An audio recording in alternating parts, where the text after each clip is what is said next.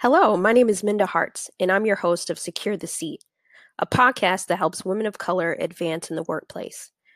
During our podcast, we'll be talking about some of those challenges and issues that women of color face in the workplace, such as bias, microaggressions, uh, cultural fit, um, intersectionality, all of those things, because we want you to have the tools that you need to succeed.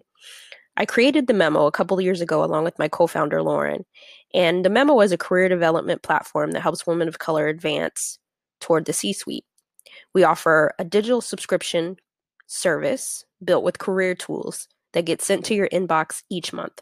So go ahead and check out myweeklymemo.com and get signed up so that you can have what you need in your toolkit and prepare for that seat at the table.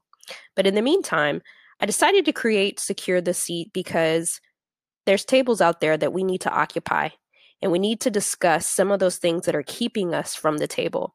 Oftentimes, it's those systemic issues embedded in organizations, and sometimes it might even be some of the things that we're doing. So, one of the things that I wanted to do by creating this podcast is talk to everyday women of color about their experiences in the workplace, what it's like to lean in as a woman of color. Because let's be honest, women of color have the wage gap. We have executive roles in the C suite of Fortune 500 companies and nonprofits that we're not represented in. And we also have minimal amount of board seats.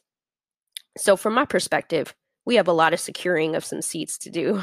And um, I'm looking forward to having these candid conversations that will allow us to find solutions and also um, help some of our allies to take part in the conversation as well so that they can learn how they can best help us. Because how can you have diversity and inclusion without intersectionality? But how can you have any of that if you aren't a part of the conversation? So each week we'll dive into different topics and um, talk about securing our seat.